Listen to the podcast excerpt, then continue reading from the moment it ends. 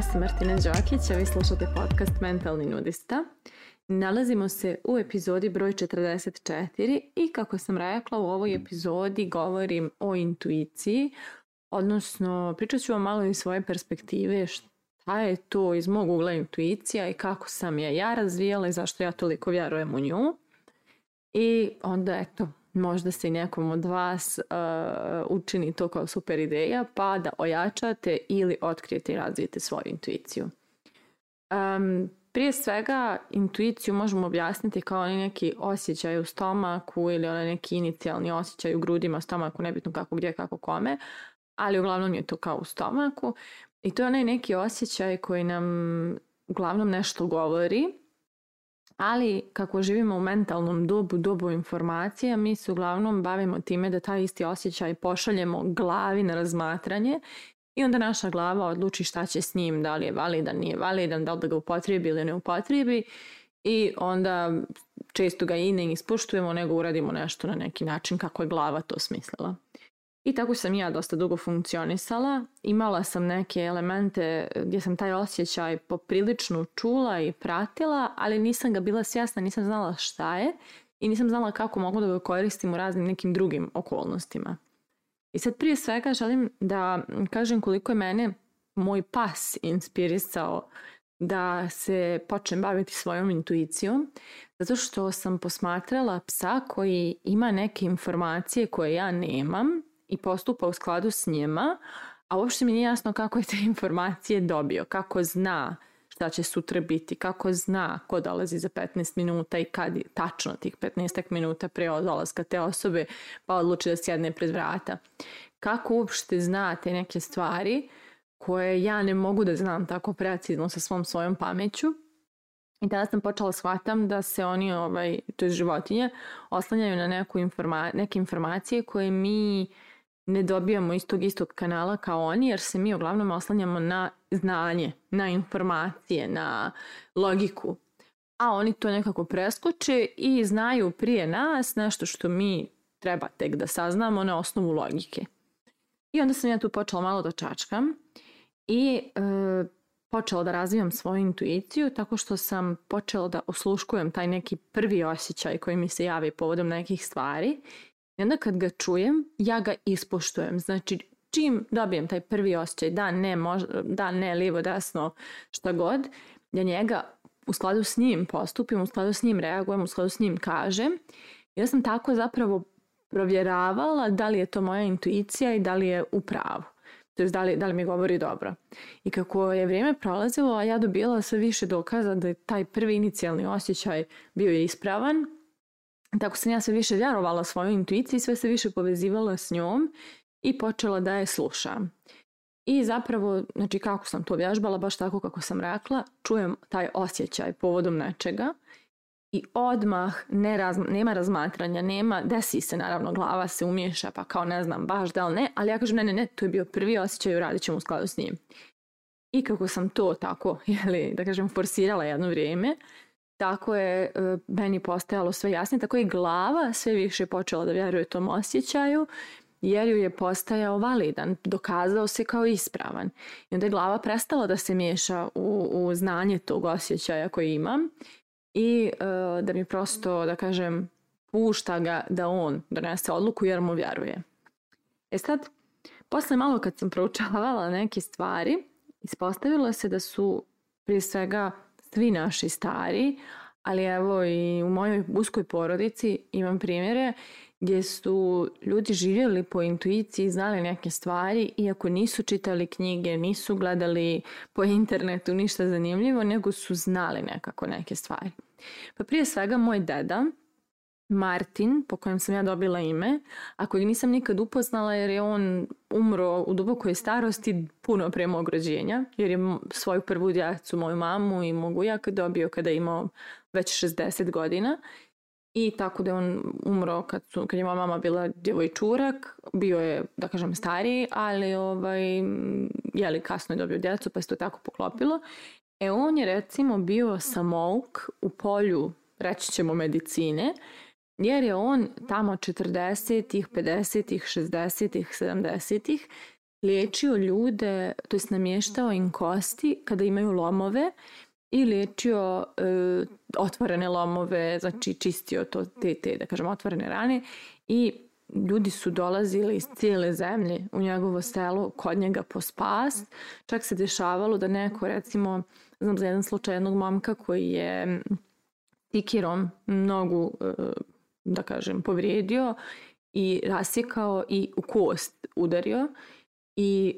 njemu, njemu su doktori htjeli da amputiraju nogu jer je već bio dobio sepsu, ja mislim. Međutim, htio je još neku nadu da, da, da proba i čuje za mog dedu i došao je kod njega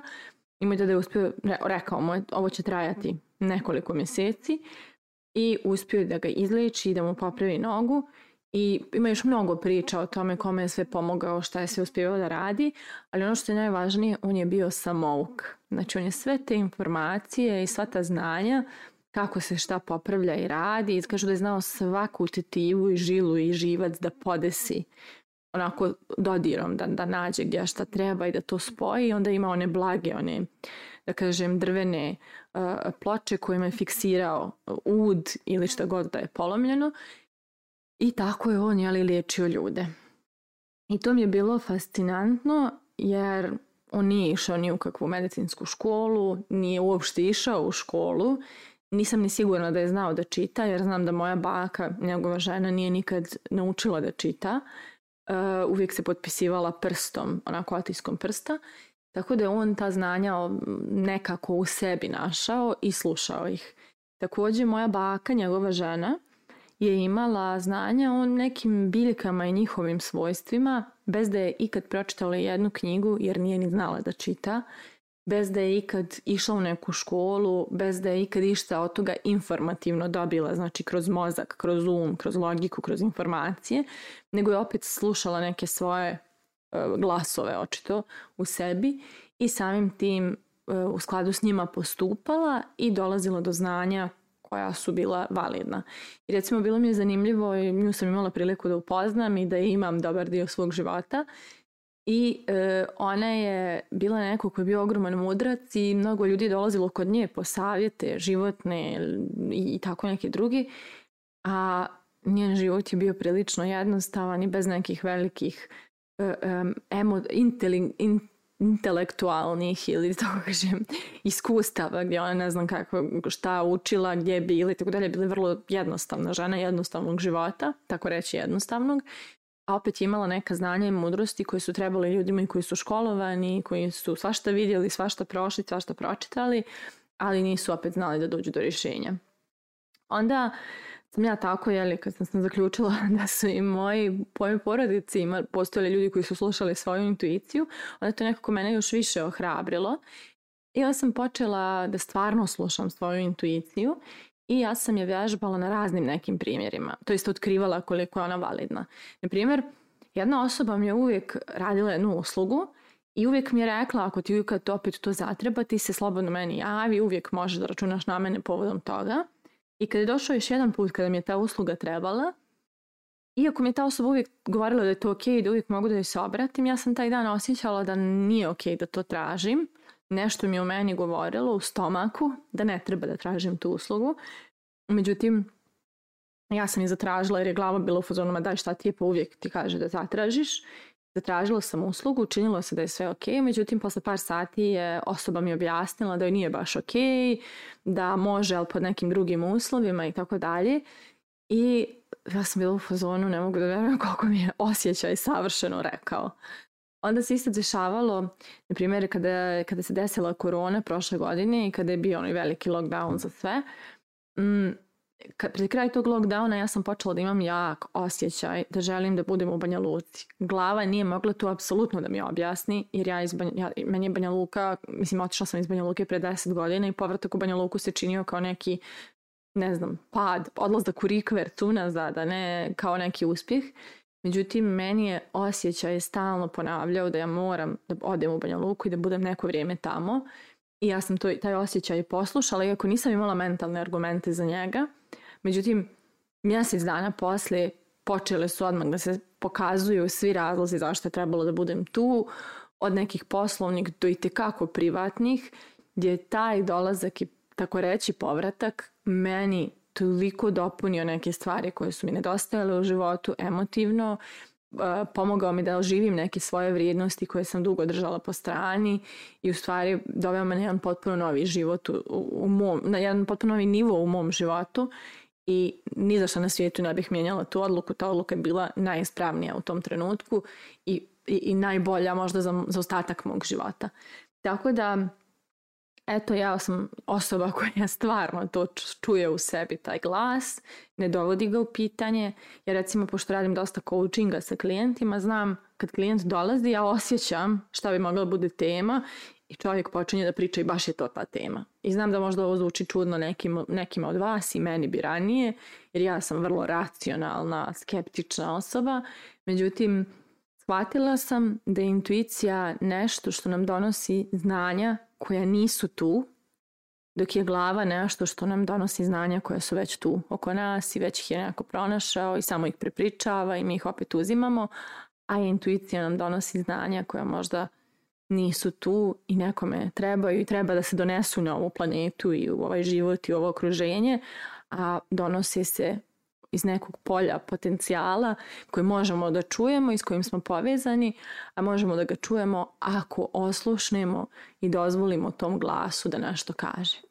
Tako da moje pitanje za kraj ove epizode je da li slušate taj svoj unutrašnji glas ili ipak a, ga ignorišete i ne čujete to što ima da vam kaže.